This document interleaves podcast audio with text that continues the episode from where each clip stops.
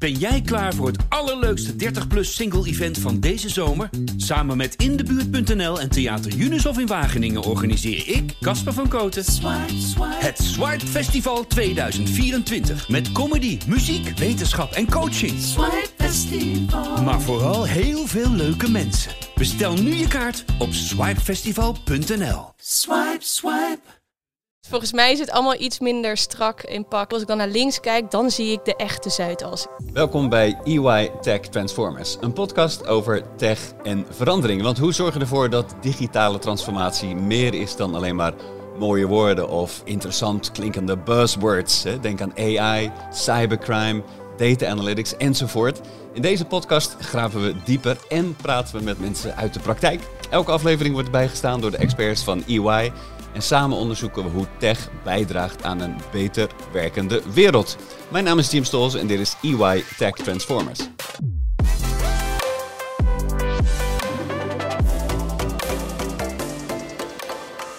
En in deze aflevering gaan we het hebben over data analytics. En daarvoor heb ik twee speciale gasten hier aan tafel. Dat zijn Nienke de Jong en Lisa Ingehoest. Welkom. Ja, dankjewel. Ja, hier in de Cross Tower in regenachtig Amsterdam. Is dit ook jullie uh, werkplek? Ja, als we niet bij de klant zitten of als ik niet bij de klant zit, dan uh, mag ik hier uh, werken. Ja. Of thuis, hè, nu natuurlijk. Precies, dat ja. zal de afgelopen periode ook indrukwekkend geweest zijn. Ja, en ook jouw stek dit? Ja, klopt. Ja, ook voor mij sinds een jaar ongeveer hier. Daarvoor ja. in een andere locatie gezeten. maar dus nog voor mij een beetje zoeken, want in corona niet heel veel geweest hier. Dus nee. nog een beetje het kantoor leren kennen. En hoe is het om te werken op de Zuidas? Uh, nou, dat is wel even een andere omgeving dan de bossen waar ik in uh, uh, gewend was. Maar ja. Um, nee, ja, dat is ook prima. Het is, het is gewoon heel leuk om wel heel veel collega's te hebben hier in mm. de buurt. En in plaats van de hertjes die we af en toe zagen, zie je hier gewoon nou, er altijd collega's. Ambitieuze mensen, ja, het is heel leuk. Precies. Mensen in pak. Mensen in pak. Ja, ja, ja. ja. ja dat nou, is wel valt het wel beeld. mee tegenwoordig, toch? Ja, valt wel mee. Ja? ja? ja? Nou, ik, ik liep net door het pand. Het viel inderdaad van mij. Het is wel iets wat mensen als ik EY hoor, denk ik blauwe pakken. Ja, ik denk dat die er wel zijn. Ja. Maar voorna nou, toen ik hier begon ooit, toen zeiden ze als je een klant ontmoet, dan moet je wel echt een beetje netjes uh, eruit ja. zien. En anders uh, kom gewoon lekker zoals je goed voelt. Dus volgens mij is het allemaal iets minder strak in pak dan mensen misschien inderdaad van uh, buitenaf denken. En ik heb ook altijd een beetje het gevoel, als ik dan naar links kijk, dan zie ik de echte Zuidas. Ik heb altijd nog het gevoel ah. dat wij een beetje zo aan het randje zitten. Misschien zijn ze er niet blij hoor, bij EY, dat ik dit zo zeg. maar ik voel me, ja, geen echte Zuidasser. Nee. Nee, oké. Okay. Ja. En wat jullie gemeen hebben is dat jullie nou ja, voor deze aflevering de gezichten zijn van data analytics. Uh, is dat een afdeling binnen EY? Ja, dat, dat zit eigenlijk iets ingewikkelder. Want uh, nou, we horen natuurlijk bij consulting. Dat is een uh, grote servicelijn binnen EY. Ja. En dan heb je verschillende clusters en verschillende teams. En wij horen allebei bij het team DATSI. En dat is een afkorting voor drie mooie buswoorden. Wow. Namelijk data engineering, data science en AI. Um, dus een hele combinatie van hele slimme mensen. Um, nou ja, Nien, uh, Nienke, volgens mij, jij zei het net, 75 mensen um, is ons team. Dus data analytics, uh, ja, uh, zie je zeker terug bij ons. Ja, ja. oké. Okay. Nou, daar gaan we het zeker over hebben. Maar eerst wil ik jullie een beetje beter leren kennen. Dus dit, dit hebben we niet voorbereid, maar ik heb een aantal dilemma's voor jullie bedacht. Oh, Kijk. Gelukkig lachen jullie nog. Uh, de, de, eerste, de eerste stelling die ik. En je, je, moet dus kiezen. Je mag niet zeggen, nou een beetje allebei. Dat uh, nuanceren doen we later. Um, een stappenteller of een smartwatch. Ja, dat heb ik. Of nee, aan mijn life geen Polonaise. Ja, ik heb hem niet. Nee. Ik, ik heb hem ook niet. Ook nee. niet. Oké. Okay. Twee nee. datagedreven personen die niet hun eigen stappen bijhouden. Nee. Interesting. Twee. Uh, klanten overschatten vaak de kwaliteit van hun data. Eens Absoluut. of oneens? Absoluut eens? Ja, ik ga me Nienke mee, zeker. Oké, okay. ja. gaan we het ook over hebben. EY heeft mij gevonden of ik heb EY gevonden? EY heeft mij gevonden. Ja, bij mij eigenlijk ook wel een beetje. Okay. Um, ja. Ja, mag dat bij een dilemma? Ja, ik mag niet uitleggen, gewoon ja. ja nee, dat, dat komt straks, ja, maar het zijn allemaal cliffhangers. Um, wat ik het liefste gebruik is Excel of Python of R. Je moet kiezen. R. Python. Oké. Okay. En tot slot een avondje Black Mirror, lekker thuis. Of nee, een avondje doorbeuken met collega's? Ja, nu kan het weer doorbeuken met collega's. Ja, daar zou ik ook wel voor gaan. Oh, ja. Wauw. Ja. Oké, dankjewel. Um, ja, laten we... Nou ja, die stappen tellen. Het is natuurlijk een beetje flauw om te zeggen dat als je data science bent, dat je ook alles aan het meten bent in je persoonlijke leven. Dat is dus niet zo.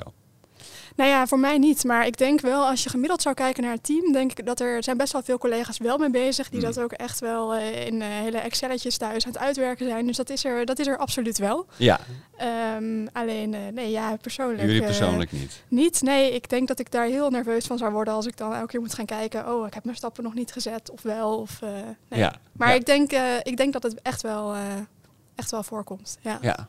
Wat, wat zijn het voor types, die 75 eh, talenten die jullie hebben? Nou, ik moest net denken aan. eh, dat is wel een tijdje geleden. Toen was er een nieuwe collega. En toen eh, ontstond er in een, eh, in een chat, volgens mij, of gewoon een, een Teams-call. En in die chat begon een hele discussie over hoe je smart home moest installeren. En dat je daar een eigen applicatie voor kon bouwen. En toen dacht ik echt, waar hebben ze het over? Hmm. Ik heb dus niet eens een smartwatch. Ik heb dus niet eens een smart home. Dus ik ben misschien een beetje. Ja, ik leef niet echt technologisch of zo misschien in mijn privéleven. niet, nee. Nee, ja, gek hè. Maar ehm, ik zou ook helemaal zenuwachtig worden van al die stappen en dat, eh, dat tellen de hele dag. Ik moet wel zeggen, nu we thuis moesten werken tijdens corona, ben je natuurlijk, ik ben er nog nooit zo mee bezig geweest, die 10.000 stappen Mm.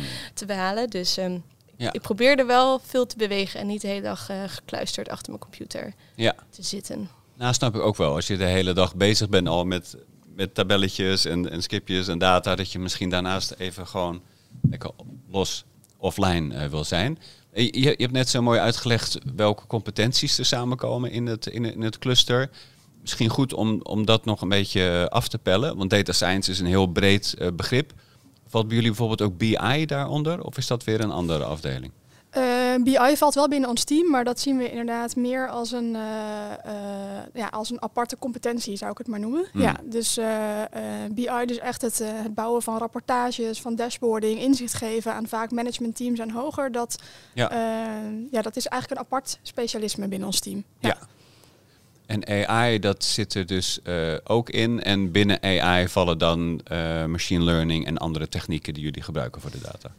Exact. Dus ik Ja. zou eigenlijk zeggen dat AI en data science best wel dicht bij elkaar ligt wat dat betreft. Dus eigenlijk alles wat meer wat we noemen de advanced analytics is. Dus eh, nou ja, waar je echt hè, voor moet gaan coderen, waar eh, eh, nou ja, slimme algoritmes achter zitten, Mhm. dat zou ik, daar, zou ik daar onderscheiden. En dat zit dus weer minder in het BI. Dat is veel meer, nou ja, vaak nou ja, echt in visualisatie, trends, ehm, descriptive analytics, dus meer beschrijvend.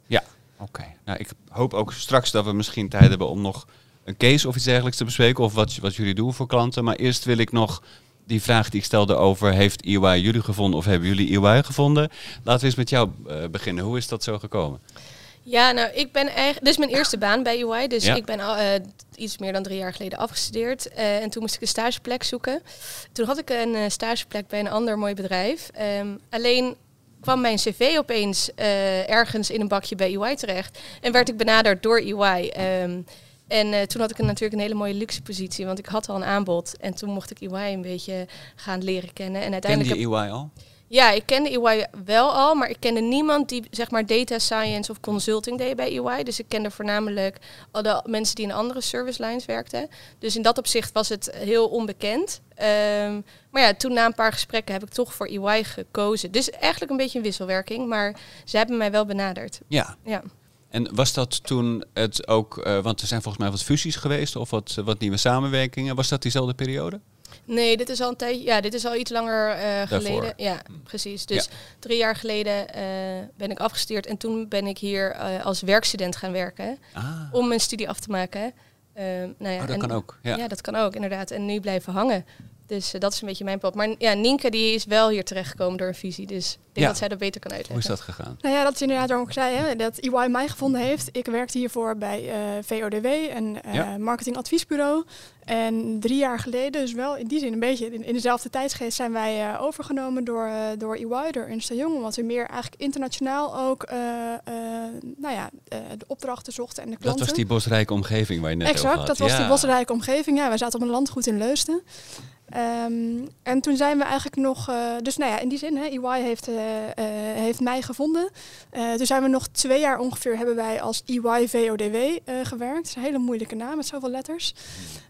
Um, dus als een soort aparte BV binnen EY. En sinds een jaar is het datateam, want EY VODW heeft ook een strategieteam en transformatieteam, nou, andere teams ook. Maar het datateam is echt nou ja, gefuseerd eigenlijk met het EY-team. Dus ik ben nu gewoon, ik werk gewoon voor EY.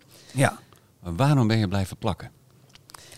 Ja, waarom ben ik blijven plakken? Um, omdat ik mijn werk gewoon nog steeds heel erg leuk vind. Ik uh, vond het best, echt best wel spannend. Ik heb heel bewust gekozen voor een relatief klein adviesbureau.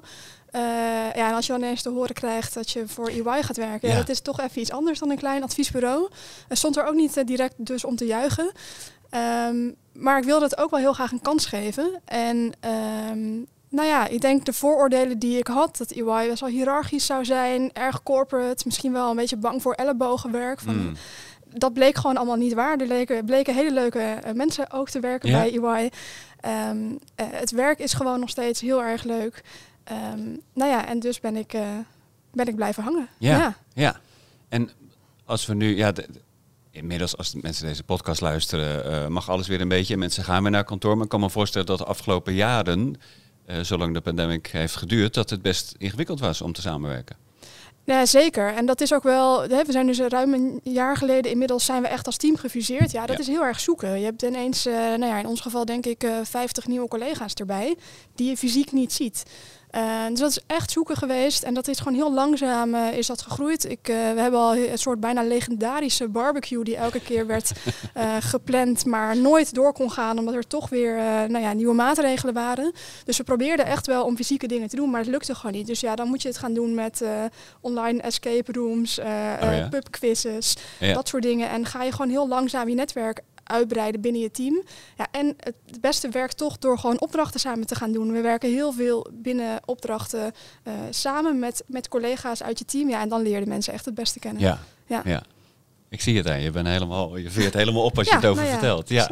Hoe is dat bij jou? Is dat, uh, is dat een goede team spirit? Ja, sorry. Ja, zeker. Ik uh, zat net te denken, in het begin was het inderdaad best wel moeilijk, want we zaten allemaal thuis uh, en het was allemaal al online.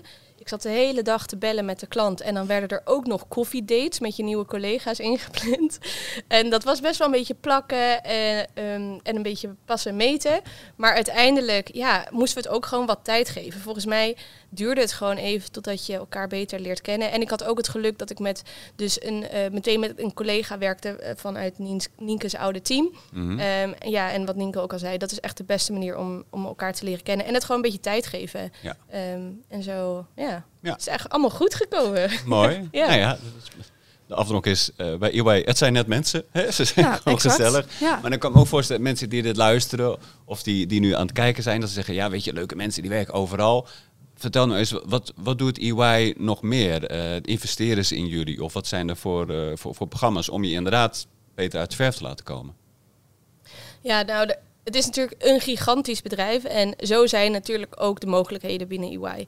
Ik denk dat je voor jezelf... Nou, misschien moet ik hier beginnen. Je hebt een heel goed systeem. Je hebt een heel groot support systeem. Want hmm. je krijgt een buddy en een counselor.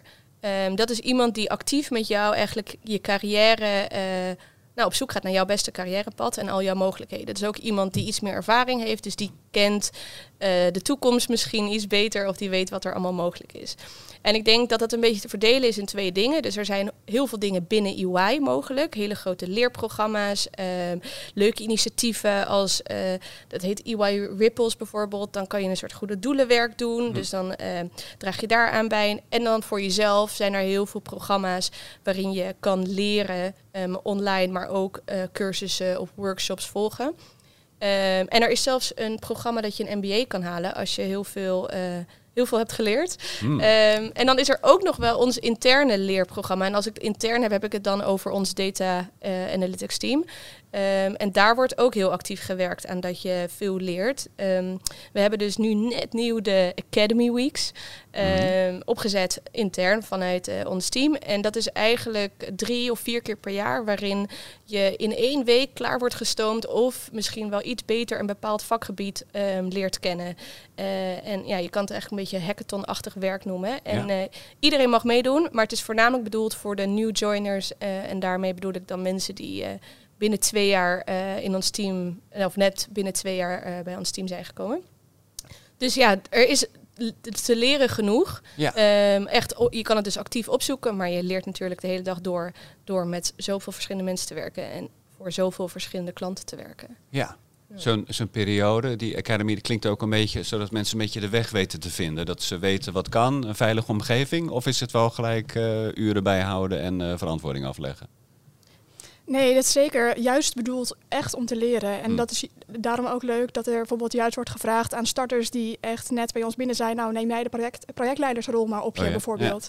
Uh, ga dat maar gewoon eens doen. Ga het ervaren. En uh, natuurlijk, uh, we doen eh, de eerste Academy Week die we nu hebben gehad, doen we wel echt voor een klant. Dus eh, natuurlijk willen we graag een goed resultaat neerzetten.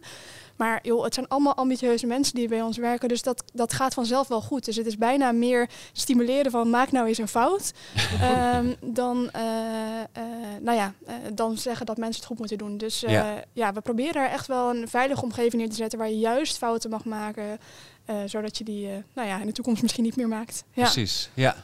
En ook een beetje de weg leert kennen. Want je zei al, UI is natuurlijk heel groot. Ja, dus ook echt je collega's leert kennen op een andere manier. Ja. Um, uh, deze Academy Week zijn we ook fysiek. Uh, hebben ze echt uh, twee dagen in een hostel samengewerkt. Dus oh. echt samen in stapelbedjes slapen s'avonds. Ja. En aan het ontbijtbuffet zitten. Ja, dat is natuurlijk een hele leuke manier om ook je collega's meteen echt goed te leren kennen. En niet alleen maar van de professionele kant hoe je bij de klant zit. Maar ook gewoon hey, met wie nou ja, met wie zit ik nog meer in een team. Dus dat is ook wel, uh, wel heel leuk. En de focus binnen die Academy Weeks qua onderwerpen ligt echt op de, uh, de domeinen waar wij ons als team ook op willen richten. Dus je leert ook meteen vakinhoudelijk uh, nou, meer domeinkennis opdoen. Ja, ja, ik denk dat we zo een goed beeld krijgen van dat je dus niet in je eentje binnen EY wordt gedropt en zoek het maar uit. Hè. Je wordt wel begeleid, uh, sprake ja. van bonding, je, wordt, je, wordt, je krijgt zelfs een, een, een buddy.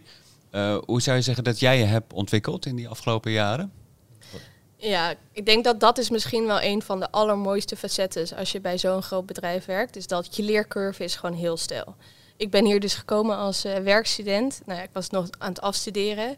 En Wat heb je gestudeerd ook alweer? Um, ik heb Behavioral Data Science gestudeerd. Oh. Hele mond vol. Ja? maar um, dat komt oorspronkelijk vanuit psychologie. Dus ik ben begonnen met psychologie gaan specialiseren in statistiek. En zo terechtgekomen eigenlijk bij de Behavioral Data Science. Ja. Um, ja, en toen kwam ik bij EY en uh, dan kom je opeens in aanraking met mensen die al zoveel hebben gedaan, die al zoveel hebben gezien, uh, die zulke specifieke kennis uh, hebben opgedaan. Daar kan je gewoon heel lekker op meeliften in het begin. En um, je begint natuurlijk gewoon een beetje als, nou niet een beetje, je begint als consultant en zo groei je dan door, waardoor je steeds meer verantwoordelijkheden krijgt en binnen projecten steeds meer dingen mag oppakken of mag leiden. En ik weet nog wel dat ik deed dus hier een soort stage. Um, en ik mocht meteen bij een klant zitten. En ik mocht meteen presenteren en ik mocht meteen meedoen. Um, en ik weet nog wel dat ik dat dan aan mijn studiegenoten vertelde. En dat was bij hun niet zo. Die zaten de hele dag op de afdeling een beetje te programmeren. En ik mocht meteen het werkveld uh, in. Dus ik denk dat dat misschien wel de sterkste ja? ja groei en boost heeft gegeven. Uh, ja. ja. Mooi. En hoe ziet de ideale dag van een data scientist eruit? Oeh, um, nou laat ik al in ieder geval gewoon voor mezelf, uh, voor mezelf ja. praten. Um, ja, kijk, ik hou heel erg van puzzelen met data. Daarom heb ik hiervoor gekozen. Dus het is uh, echt een beetje de puzzel leggen en um, daarmee aan de slag gaan. Ja, dat, is, dat vind ik gewoon heel erg leuk. Um, maar ik vind het ook heel leuk om met uh, collega's samen te werken. Dus niet de hele dag in mijn eentje achter de computer. En vooral de laatste tijd ben ik weer gefocust juist op al die datapuzzels, die dataproducten die we maken. Om te zorgen dat de klant die ook echt gaat gebruiken. Mm. Want daar zien we soms echt nog wel een, uh, nou ja, een, een, gat eigenlijk ontstaan. Ja. en dat vind ik ook echt heel erg leuk om die impact dan uiteindelijk te kunnen maken. En te zien wat er, wat er gedaan wordt met jouw puzzel die je, die je gelegd hebt. ja. ja. En uh, voor dat puzzelen, we hebben net uh, Python en, en R uh, erkend jullie. Wat zijn nog meer tools die je daarbij gebruikt? SQL wordt veel gebruikt vanuit meer vanuit data warehouse programmeren. maar ook heel veel visualisatietools. Hmm. Denk aan Power BI, Tableau, dat soort producten gebruiken we vaak. Ja, en vanuit de data engineering kant zijn er ook weer andere tooling, Azure, maar ik ben daar zelf iets minder in thuis. Dus daar kan ik hmm. minder goed over uitweiden. Ik weet niet of jij daar iets aan te vullen hebt. Nee, ik denk dat je het wel mooi hebt omschreven. En hoe ik het heb ervaren is voornamelijk je doet of je gaat mee met hetgeen wat de klant heeft. Dus je komt bij een klant en hopelijk is er al iets van een structuur of van een opslag of van een, nou ja, een datafundatie. Uh, als dat niet zo is, dan komen onze uh, warehouse specialisten inderdaad uh, aan de gang of aan de slag, gaan aan de slag. En ehm, ja, en dan ga je dus eigenlijk gewoon met hetgeen aan de slag wat de klant zelf heeft. Dus ik zit nu bij een klant waarin we um, gebruik maken van Databricks. Dus een soort online uh, environment waarin je in alle talen kan programmeren. Hmm. Um, dus het hangt heel erg vanaf ja, ja. waar je terecht komt en wat er nodig is. Ja. En die, uh, die, die warehousing collega's, zitten die in de 75 of is dat weer een, weer een IT-component? Eh, Nee, ja, we hebben daar wel mensen um, die gewoon echt heel goed zijn in het opzetten van data, fundaties, van uh, nou, structuren. Hoe sla je het op? Hoe zorg je dat een organisatie niet alleen maar data verzamelt, maar ook kan gaan gebruiken. En dat dat mooi uh, gestroomlijnd uh, blijft bestaan eigenlijk. Ja. Onze data engineers. En dan blijkt, klanten onderschatten de kwaliteit van hun data. Dus stel je voor even dat die fundatie, zoals jij het noemt, dat dat in orde is. Hè, het is allemaal compliant en het is bereikbaar en uh, er is uh, sprake van, van de data governance is goed geregeld. Dan ga je als consultant aan de slag met oké, wat willen we nou met de data bereiken? Hoe gaat zo'n gesprek? Nou, ik denk wat er heel vaak gebeurt is dat de klant eigenlijk, uh, die ik heb natuurlijk ook de mooie buzzwords, dus die zegt, die komt naar ons toe, we willen een predictive model om weet ik het, een recommendation engine te maken. We hebben zoveel data. We hebben zoveel data. Nu moeten we echt, we moeten echt uh, eh, AI, data science, big data, dat moeten we allemaal gaan doen. Uh, kijk, en dan, is de, dan, dan ga je het gesprek aan met ga je eigenlijk eerst het probleem eens even ontrafelen. Maar waarom wil je dat dan? Wat ga je er dan mee doen? Mm -hmm. um, en als je daarop doorvraagt, kom je er heel vaak achter. En dat is ook waarom ik antwoord gaf op ze overschatten het. Dat die basis eigenlijk nog helemaal niet op orde is. Mm. Dus we weten heel vaak helemaal niet. Hè, we verzamelen heel veel data, maar wat verzamelen we dan? Wat zien we daarin? Wat kunnen we ermee? Hoe is het gestructureerd? Is het al aan elkaar verbonden of zijn het allemaal losse containers? Um, en heel vaak um, weten ze ook eigenlijk niet zo goed wat ze er dan vervolgens mee willen. Dus dat is denk ik een heel groot, uh, um, een hele grote taak voor ons om echt die klant te helpen. Maar wat wil je nou met je data? Wat Voordat wil je, je die puzzel gaat maken. Voordat dus. je die puzzel gaat maken. Ja. Ja, en als je dat scherp hebt, dan kun je gaan beginnen met bouwen. Nou, dan begint het toch heel vaak met data cleaning. Dus echt hè, de data gaan opschonen. Uh, gaan bekijken wat is er, hoe kunnen we het aan elkaar knopen, hoe kunnen we één groot databeeld uh, eigenlijk opzetten. Nou, en dan kun je de stap gaan zetten naar bijvoorbeeld uh, het bouwen van modellen. Maar soms is dat nog helemaal niet de eerste stap die je moet zetten. En moet je een dashboard gaan maken om eerst eens eventjes inzicht te gaan creëren van joh, hè, wat gebeurt er nou eigenlijk allemaal bij jullie? Um, dus ik denk dat dat is een beetje waarom ik er overschatting erin zet. Misschien niet zozeer in welke data ze hebben, maar veel meer in um, waar ze staan in het hele dataproces. Uh, ja. ja. En dat data cleanen, wordt wel gezegd, een data scientist is 90% van de tijd bezig met het cleanen van data. Is dat waar?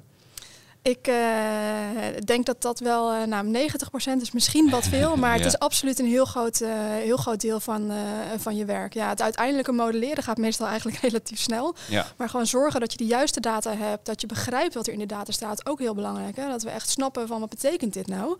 Want anders kun je een model maken, maar als je, er, als je niet weet wat die data nou betekent, ja, dan krijg je ook een heel nietszeggend model. Dus echt begrijpen, het combineren van data, eventuele gaten opvullen. Want er, eh, soms heb je ook, mis je ook gewoon data. Ja. ja. dat kost gewoon heel veel tijd. Ja. ja. ja. Herkenbaar voor jou? Ja, zeker. Zeker. Ik denk dat wat we ook al vaak tegenkomen is dat er gewoon de kennis welke data er precies is, maar ook hoe is het gedocumenteerd. Want soms kom je zulke hoeveelheden data terecht, maar dan zitten er allemaal variabelen in um, tabellen en dan betekenen drie tabellen of drie kolommen eigenlijk hetzelfde. Of hmm. die ene is voor dat. Ik werk nu bijvoorbeeld ook bij een klant waar we de hele tijd rekening moeten houden met privacy. Dus welke data mag je wel gebruiken, welke data mag je niet gebruiken. Dus ja, ja het is altijd wel wat complexer en soms kom je bij een klant terecht en denken ze, oh, en dan gaan ze aan de slag. En dan, weet je wel, dan heb ik meteen antwoord op mijn, op mijn vraag. Terwijl inderdaad, er is gewoon heel veel voorwerk nodig. Um, En het is ook altijd wel een goed begin van je project. Want je kan gewoon een beetje rustig je kennis opbouwen. Je kan steeds meer in aanraking komen met de data. En heel vaak merk je dan eigenlijk dat je heel snel opeens meer weet dan de klant eigenlijk daarover. En dat je veel beter snapt uh, wat er allemaal is. Dus ja, ja het is uh, data cleaning. Ja, merk je ook nog koudwatervrees? Dat de klanten zeggen wel wat data, maar ja, we weten niet of we het wel mogen gebruiken. Ja, um, nou bij de klant waar ik dan nu zit is er een heel privacy team. Dus dat zijn echt mensen die uh, daar alles vanaf weten. En die GDPR is natuurlijk ook een soort groot blok aan ons been af en toe. Um, um, waar we rekening mee moeten houden. Ja, gelukkig hoef ik daar niet zoveel van te weten. maar op zich ja, zijn wel heel veel uh, bedrijven hebben daar gewoon ja, iemand in huis die wel weet hoe ze daarmee om moeten gaan. Ja. ja. Ik merkte dat toen de GDPR net was uh, geïmplementeerd, merkte ik dat dus wel heel erg. Dat klanten eigenlijk dachten, oh wacht, maar we gaan, gewoon, we gaan echt aan de voorzichtige kant zitten. We gaan alleen doen wat we zeker weten dat we mogen gebruiken. En dan blijft er eigenlijk niet heel veel data over um, als je naar klantkenmerken wil gaan kijken. Ja. En die shift die is wel echt heel erg aan het komen. Dus mensen zijn, ze gaan toch meer kijken, oké, maar wat kan ik nou, uh, wat is er nou echt mogelijk? Want er is best wel heel veel mogelijk, mits je er een goede reden voor hebt waarom je die data gebruikt. Ja. Um, dus ik merk dat dat wel, dat de, die koudwatervrees was er wel een beetje, maar die begint er wel uh, gelukkig weer wat af te nemen. Er zijn steeds meer, nou ja, ook inderdaad experts in teams en dat uh, wordt uh, nou ja, steeds makkelijker en beter. Ja. ja. En wanneer rij jij dan in je auto terug naar huis dat je denkt, yes, het is vandaag goed gegaan, het is gelukt. Wat, wat is er dan gebeurd?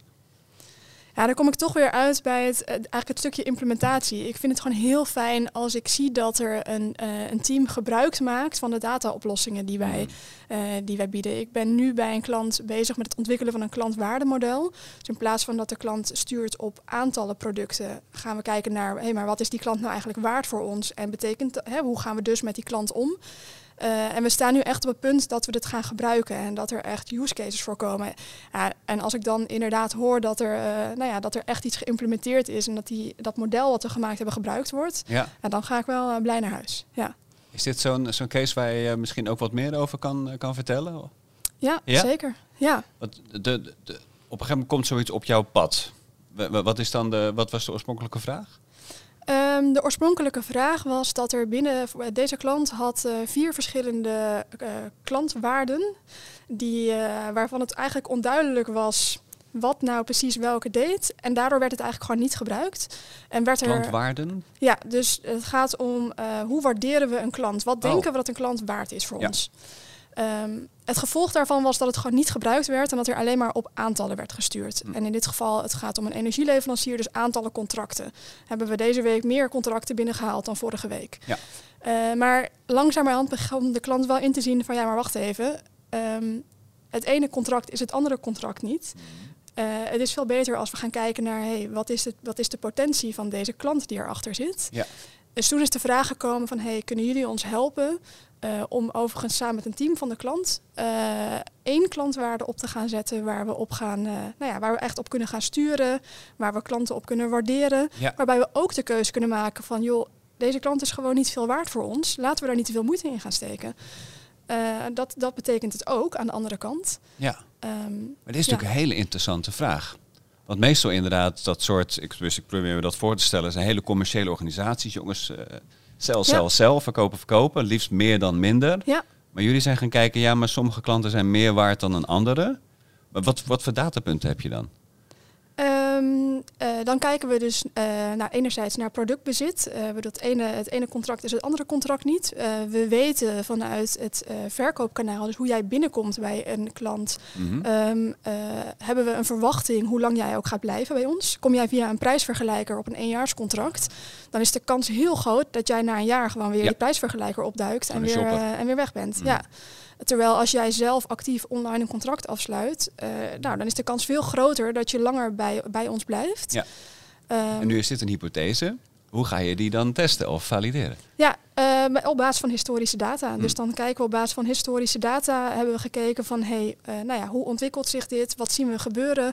Uh, daar maken we modellen op. En die modellen, die, nou ja, daar gaan we dus, die gebruiken we in, naar de toekomst toe. Ja overigens in, met de huidige energiecrisis uh, zijn al onze modellen oh. een beetje wankel. Ja. Um, dat moet ik er eh, heel eerlijk bij zeggen. Maar uh, in de basis is dat wel hoe het, uh, hoe het werkt. En verder ja. hebben we ook op basis van historische data kijken we ook heel erg van hey, welke type klanten, dus welke groepen klanten bellen bijvoorbeeld vaak naar een callcenter. Want dat is gewoon best wel duur voor, voor, een, voor een klant. Ja. Een beetje moeilijk voor, voor, de eind, voor, de, voor onze klant is dat duur. Ja. Um, Um, we weten ook dat als jij, uh, nou dat is nu, uh, wordt dat steeds minder gedaan, maar als jij bijvoorbeeld aan de deur een energieleverant, uh, energiecontract afsluit, mm dat is ook duur. Daar moet um, het bedrijf best wel veel geld voor betalen. Terwijl als jij gewoon zelf actief online een contract afsluit, ja, dat kost eigenlijk bijna niks. Mm. Dus op die manier kijken we echt naar historische data. Hoe ben je binnengekomen? Welke kosten heb je gemaakt? En welke kosten verwachten je dat je gaat maken? Verwachten we dat jij je rekeningen netjes gaat betalen? Of dat we daar ook kosten aan gaan maken? En al die informatie samen daarmee komen we tot een, uh, een verwachte klantwaarde. Ja, ik snap nu dat jij puzzelen zo leuk vindt. Ja, ja. het is een enorme puzzel. Het is een enorme puzzel, ja. Maar als het dan allemaal samenkomt, dan is dat natuurlijk genieten. Dat is heel leuk, maar het betekent ook dat er, uh, dat er heel veel mensen en afdelingen uh, betrokken bij zijn. Dus het is echt uh, nou ja, niet alleen op datagebied een puzzel, maar ook op nou ja, stakeholdergebied zou ik maar zeggen. Om iedereen mee te krijgen en ook te, te, te, horen van hoe het voor hen het beste zou passen. Ja. ja. En ik denk ook dat de, de klant komt met een bepaalde vraag bij jullie, maar dit is ook gewoon een business case. Jullie kunnen direct laten zien wat je toegevoegde waarde is. Absoluut, ja. Dus dat is, uh, uh, ja, dat is zeker waar. Dus we kunnen daar, je kan het ook heel makkelijk uh, verschillende business cases op doorrekenen, inderdaad. Ja. En uh, nou ja, bijvoorbeeld vaak als jij een contract afsluit, dan krijg jij bijvoorbeeld een cashback. Hè, dan kun je geld terugkrijgen als soort korting. Nou, wij kunnen dus nu een business case doorrekenen van oké, maar misschien dat, dat jij wel een hogere cashback kan krijgen dan ik dat zou kunnen krijgen op basis van mijn waarde. En dat is wel gewoon heel interessant. En kun je misschien met, met minder middelen hetzelfde bereiken uiteindelijk. Ja. ja. Is een mooie case. Vind ik ook. Ja. heb, heb jij ook iets... Ik kan me voorstellen dat jullie geen klanten kunnen noemen, maar heb jij ook een project waarvan je zegt, nou, daar, eh, daar ben ik wel trots op? Ja, ik um, doe nu eigenlijk wel iets leuks. Ik werk bij een uh, groot sportmerk. Um, of voor, niet bij. Mhm. en uh, um, daar hebben ze een nieuw project opgezet. Dus het is een bedrijf dat niet is ontstaan in een digitaal tijdperk. En dat blijven ze eigenlijk ook roepen. maar daar komt opeens heel veel data kijken. Dus ze moeten gaan leren met data omgaan. Ze moeten daar leren hoe je dat gaat gebruiken, hoe je optimaliseert, hoe je beter wordt. En het eigenlijk gewoon als een grote kans uh, gaat zien in plaats van een struggle. Hebben ze wel een webshop? Ze hebben zeker een webshop. En um, als je, ja, en, en ik merk soms wel als je met hele creatieve mensen werkt, dus marketeers bijvoorbeeld, ja, die waren wel een beetje terughoudend in het gebruiken van data. Want ga jij mij opeens uitleggen wat wel goed is en niet goed is? Terwijl ik heb hier heel goed over nagedacht en uh, ik heb hier een idee bij. Mm. Maar goed, daar gaat het eigenlijk niet zo over. Het gaat om uh, een agile workstream die we hebben opgezet. Um, ik, ja, ik ben daar support in eigenlijk. En um, we hebben, ja, dat, dat, klinkt een beetje fancy, maar een testing engine opgezet. Waarin we dus eigenlijk op een hele snelle basis, uh, op een tweewekelijkse basis, de hele tijd hypotheses testen. En dat gaat dan eigenlijk allemaal over uh, klanten, klantengedrag. En um, op basis daarvan kan je gewoon heel snel leren en voornamelijk doorleren. Want dat is natuurlijk wat je, wat je wil. Je wil iets, je bevestigt iets of ontkracht iets. Mhm. En dan ga je door. Daar wil je daar weer op gaan bouwen. En, en um, nou, hele dat grote. Is heel agile, maar was dat ook wat de klant wilde? Ja, ja zeker. Dus daar waren ze inderdaad op zoek naar. Om, om snel te leren en ook te zorgen dat die impact. Uh, dat, dat dat meteen impact had. In plaats van dat er dan een mooi rapport, uh, rapport over werd geschreven. En werkte zo agile of is dat ook jullie? Uh, nee, dat wer ze werkten nog niet echt agile dan in dat uh, team waar, waarin ik terecht kwam. Hmm. Um, maar door die, die snelheid die ze wilden, was dat eigenlijk gewoon ook natuurlijk de beste op, oplossing. Ja. En um, ja, je zag ook een beetje dat uh, grote bedrijven als Netflix of Spotify, echt bedrijven die, nou Netflix natuurlijk niet helemaal, maar Spotify bedrijven die zijn ontstaan in een digitaal tijdperk, die weten hoe je moet omgaan met data en hoe je leert. En hoe je nog meer leert over je consument of over je, je klant. En, en dit bedrijf, ja, die, die liepen daar een beetje in achter. En, en op basis hiervan kunnen we gewoon heel snel inzichten vergaren en steeds beter hun klanten um, benaderen. En, en zorgen dat de marketing uh, op de juiste manier aanslaat. En wat zijn dat voor experimenten die je dan doet?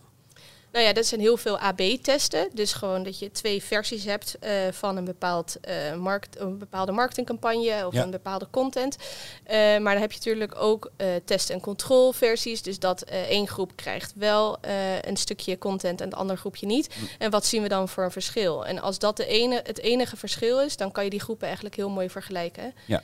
Um, en daardoor leren we eigenlijk steeds sneller en beter wat heeft nou wel effect en wat heeft geen effect. Ja, en je kan dus ook hele kleine praktische dingetjes testen. Dus een marketeer wil weten van uh, is geel beter dan blauw, ik zeg maar even wat. Kan je mhm. meteen toepassen en kan je meteen leren. En of dat nou heel nuttig is, weet ik niet. Maar het gaat er meer om dat je gewoon ja, hele makkelijke, niet makkelijk, maar heel snel uh, nuttige dingen kan, uh, kan leren. Ja. Dat is wel heel mooi. Dat ook echt anno 2022, denk ik, hoe je met e-commerce of met, met data van web analytics omgaat. Hoe reageert de klant daarop? Ja, uh, zij hebben een heel groot doel, strategisch doel. En um, een best wel ambitieus doel ook. Ze willen hun uh, klantbasis heel, heel erg uitbreiden. En de vraag is eigenlijk een beetje hoe je dat doet. Maar dan moet je dus wel heel veel weten over wie je wel al in je memberbase hebt en wie nog niet. En wie eigenlijk een beetje als wat Nienke net zei, wie zijn nou de goede klanten, de waardevolle klanten en wie nog niet. En kun je mensen ook nog waardevoller maken. Um, nou, op basis daarvan kan je natuurlijk heel veel profielen creëren um, en, en heel veel klantdata, dus hun klantdata gebruiken, um, om daar een mooi inzicht in te krijgen. Wie is nou die waardevolle member of, of klant? En ja, en door dit, dit project krijgen we dus die inzichten heel snel. En is dat gewoon heel waardevol voor de, voor de klant. Alleen, wat ga je er dan mee doen? Dus er is natuurlijk dat testen wat de hele tijd doorgaat. En dan moet het ook nog geïmplementeerd worden. Maar doordat we nu die Agile Squad eigenlijk hebben in dat uh, team...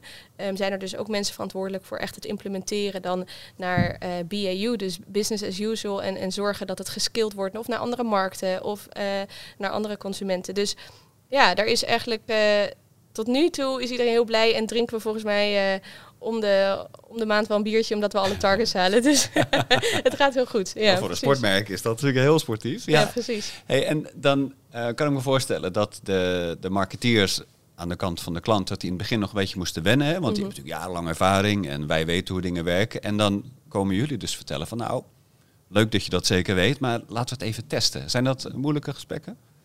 Ja, wel. Dus uh, eigenlijk, nou, we testen dan en dan noemen we het een winner of een learner.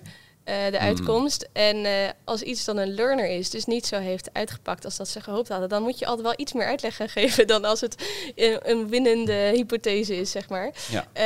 en ja, en soms zijn ze daar een beetje stug in. En, en soms botst dat een beetje met hun creativiteit of hun ervaring. Maar we proberen het toch ook echt wel uit te leggen dat het meer een input is in plaats van een soort levensles naar de marketeer toe. Het gaat er natuurlijk om dat het hun creativiteit stimuleert en aanvult. En, en dat zij eigenlijk alleen maar beter worden. En inmiddels uh, zijn de marketeers ook wel blij. En is er natuurlijk van bovenaf ook gezegd dat, we een, uh, dat ze een data-driven uh, mm. bedrijf moeten worden. Dus elk getal wordt mooi gerapporteerd en meegenomen in de, in de verslagen. Ja. Maar uh, ja, dat was wel een hele grote uitdaging toen ik bij die klant begon.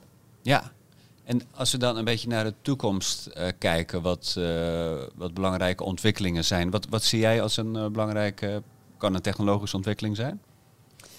Um, nou, ik denk niet per se technologisch, maar ik zie steeds meer um, eigenlijk de soort van end-to-end ontwikkeling. Dus echt vanaf uh, betrokken zijn vanaf de, de, echt vanaf het begin tot de implementatie. Ik denk dat er de afgelopen jaren heel veel modellen uh, zijn ontwikkeld die nooit de implementatie gehaald hebben. En ik mhm. denk dat daar steeds meer aandacht voor is om echt te zorgen van ja, alles wat we maken, laten we het ook alsjeblieft gebruiken als het waardevol is. Ja, ja.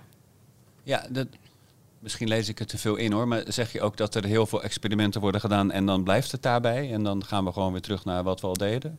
Uh, ja, dat heb ik wel heel veel gezien in het verleden. Ja. ja. Of inderdaad modellen gebouwd die dan uh, door één afdeling, hè, bijvoorbeeld een data-afdeling, die dacht, ja, we moeten echt een voorspelmodel bouwen, maar dat nooit gecheckt hebben bij een business team om te vragen, ja, ga je daar dan iets mee doen? Ja, um, ja dus dat is, uh, dat, dat is veel gebeurd. En ik denk dat daar steeds meer oog voor is van ja, maar we moeten wel, ja, we moeten die eigenlijk schaarste resources. Want zoveel data scientists zijn natuurlijk niet op de markt. Die moeten we wel op de juiste manier inzetten. Ja. Um, dus ja, ik denk dat dat wel iets is wat we steeds meer, uh, steeds meer gaan zien. Ja.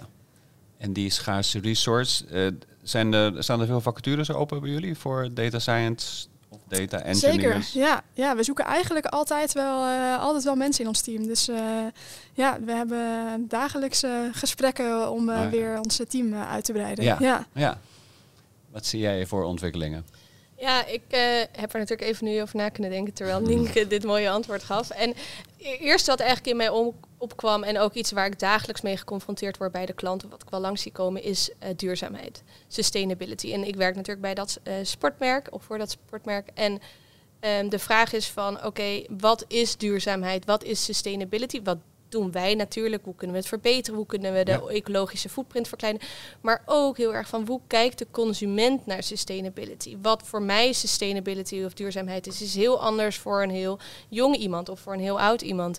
En um, wat dus nu leuk is, wat ik een beetje aan het uh, doen ben voor die klant, is eigenlijk te kijken naar sentimentanalyses. Dus waardoor je uh, eigenlijk kijkt, wat zeggen mensen nou op het wijde web over sustainability en waar uh, in welk hoekje passen ze dan en waar komen ze vandaan? En um, jonge mensen bijvoorbeeld, uh, voornamelijk jonge vrouwen, die praten ook heel veel over sustainability als het om uh, hygiëneproducten gaat, over make-up. Terwijl een man weer heel, iets heel anders benadert bij sustainability. Het hoeft natuurlijk helemaal niet zo man-vrouw gerelateerd zijn, maar het kan ook leeftijd, in, in leeftijd heel erg verschillen. Ja. En wat we dan eigenlijk doen is bekijken bij de klant, oké, okay, de sustainable producten die zij hebben of de campagnes die zij opzetten rondom sustainability geeft natuurlijk een inzicht.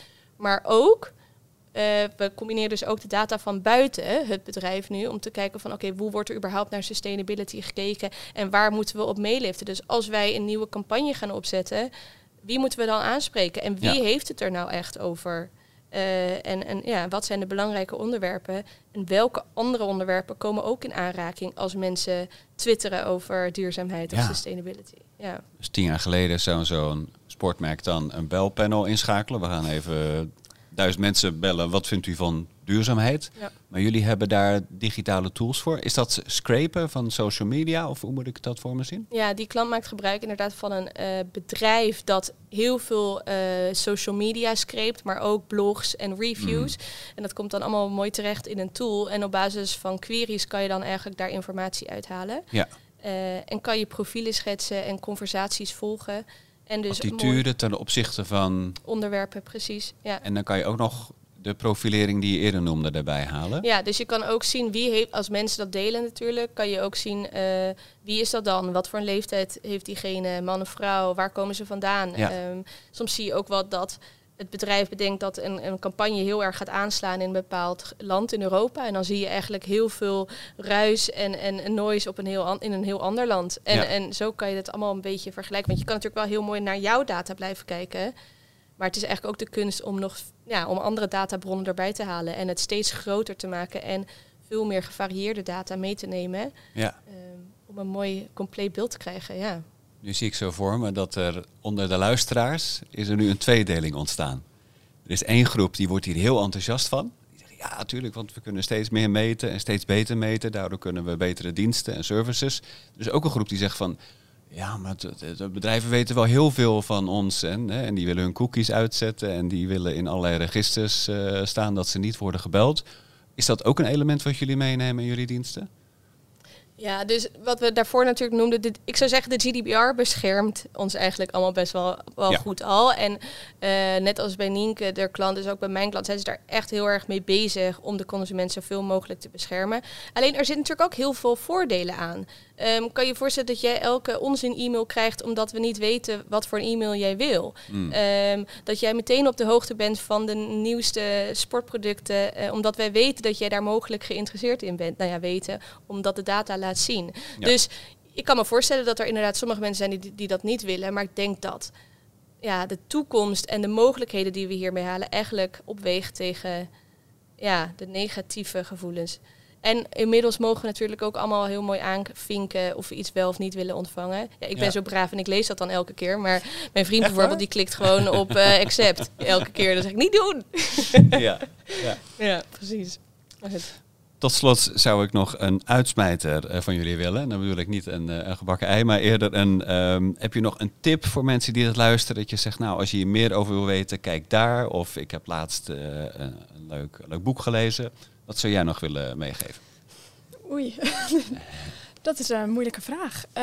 Um, ik, mag ik hem uh, naar jou doorgeven? Ja, ja moet nadenken. Ja, precies. Ik moet zeggen dat ik niet heel veel boeken over data science lees, omdat ik de hele dag al mee mm data science te maken heb, als in mijn vrije tijd. Maar ik, ik zou zeggen van als je echt meer hierover wil weten, zoek ons op op LinkedIn en benader ons natuurlijk gewoon. Um, nou ja, kijk op EY's pagina's om te kijken of er factures open zijn, of je uh, um, met ons in gesprek kan komen. En uh, ja, ik denk dat dat een beetje de leukste manier is om, om op de hoogte te blijven en met ons in contact te komen. Misschien ook wel ja. het makkelijkste. Ja, nou, dat, die hebben we alvast. Ja. ja. Ja, ik heb er nog wel eentje, maar dat is meer in de inhoud uh, bedacht. En dat is uh, wat ik zelf heel leuk vind, dat heel veel jongeren ook doen, is die heten Kaggle-competities. Dat zijn eigenlijk online datacompetities, waarbij je gewoon mee kan doen en kan spelen en leren. En daar worden dus ook heel veel ehm, informatie gedeeld met hoe andere mensen dataproblemen aanpakken. Ik denk dat dat ook een enorm leuke manier is om als je er verder in wilt duiken, om daar eens aan de slag te gaan. En als je nou echt goed bent, kun je er nog prijzengeld mee winnen ook. Ah. maar het is wel een wereldwijd de competitie. Dus uh, nou, daar moet je wel uh, aardig wat uren in investeren. Maar het is echt een onwijs leuke manier om uh, echt naar nieuwe technologieën te kijken. En dus ook te zien hoe andere mensen diezelfde vraagstukken oppakken. Ja. Dus de wereld van de hackathons.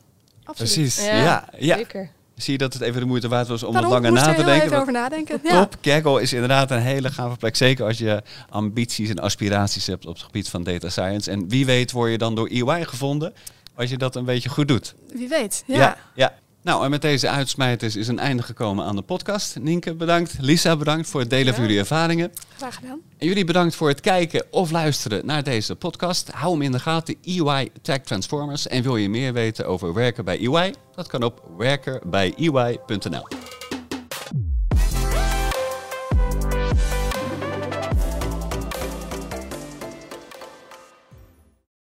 Ben jij klaar voor het allerleukste 30-plus single-event van deze zomer? Samen met Indebuurt.nl en Theater Unisof in Wageningen organiseer ik, Casper van Koten, het Swipe Festival 2024. Met comedy, muziek, wetenschap en coaching. Swipe Festival. Maar vooral heel veel leuke mensen. Bestel nu je kaart op swipefestival.nl. Swipe, swipe.